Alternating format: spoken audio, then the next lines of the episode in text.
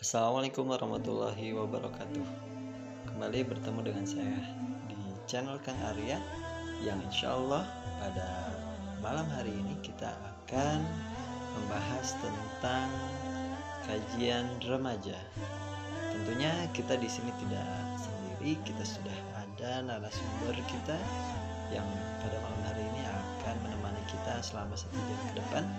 Semoga teman-teman semua yang ada di rumah ada di di mana pun bisa menyimak dengan uh, baik dan bisa join di channel ini. Terima kasih.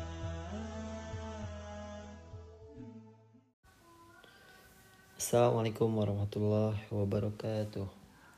Alhamdulillah Alhamdulillahilladzi nahmadu wa nasta'inuhu wa nastaghfiruh ونعوذ بالله من شرور أنفسنا ومن سيئات أعمالنا. من يهده فلا مضل له ومن يضلل فلن تجد له وليا مرشدا.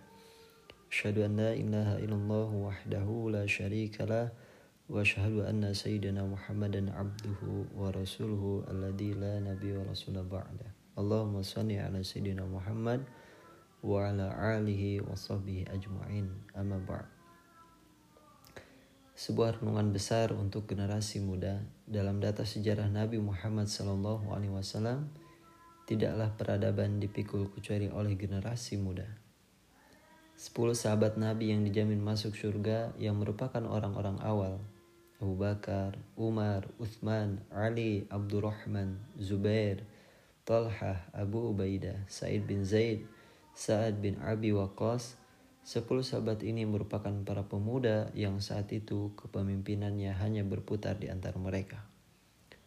Yang berusia kepala tiga hanya tiga orang, Abu Bakar, Uthman, Abdurrahman bin Auf. Tujuh orang di bawah kepala tiga usianya, bahkan lima orang di bawah 20 tahun.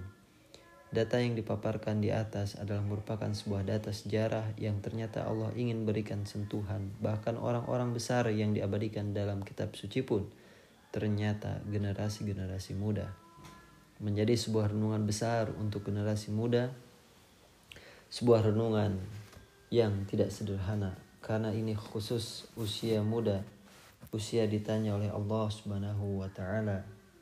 Karena itulah usia kekuatan di antara dua kelemahan.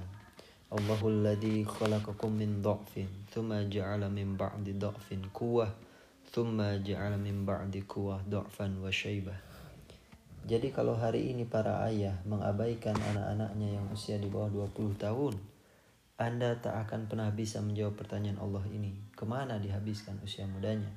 Ke mana diselesaikan usianya?